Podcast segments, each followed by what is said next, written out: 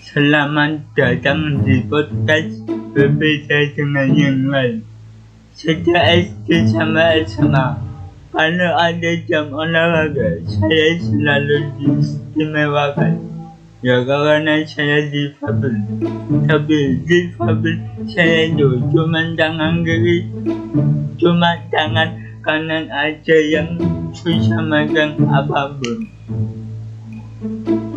Waktu ada penilaian di SMA saat olahraga Saya disuruh diam aja Disuruh diam aja sama guru saya olahraga betul saya tu pengen ikut olahraga apapun kayak push up lari satu kilometer baru jalan di jalan di sungai.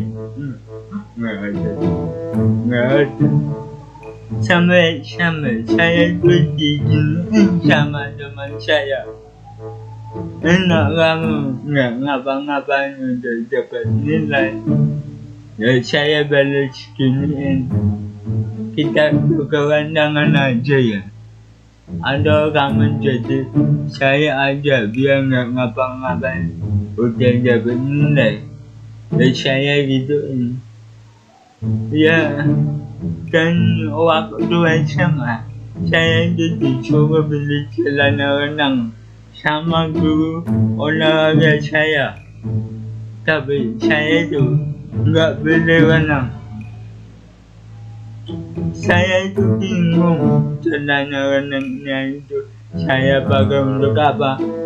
Masa saya pakai di kelas? Nanti kalau saya di kira itu gimana dong?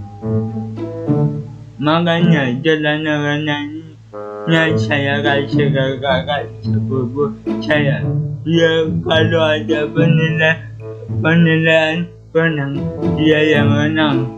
Bukan saya. Sekian saya.